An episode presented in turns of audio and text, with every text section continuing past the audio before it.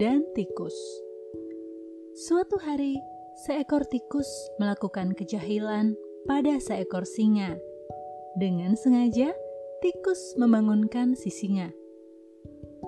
Tak disangka, singa sangat marah dan menangkap si tikus yang hendak memakannya. Namun, si tikus menangis, memohon supaya singa memaafkannya. Dengan berbesar hati, singa pun memaafkan dan melepaskan si tikus. Tikus sangat berterima kasih dan berjanji akan membalas kebaikan singa suatu hari nanti. Beberapa hari kemudian, singa tertangkap jerat yang dipasang oleh para pemburu. Singa sangat ketakutan akan dibunuh. Singa menangis semalaman. Mendengar tangis singa, tikus menghampiri dan melihat singa sudah diam di dalam jerat tak berdaya.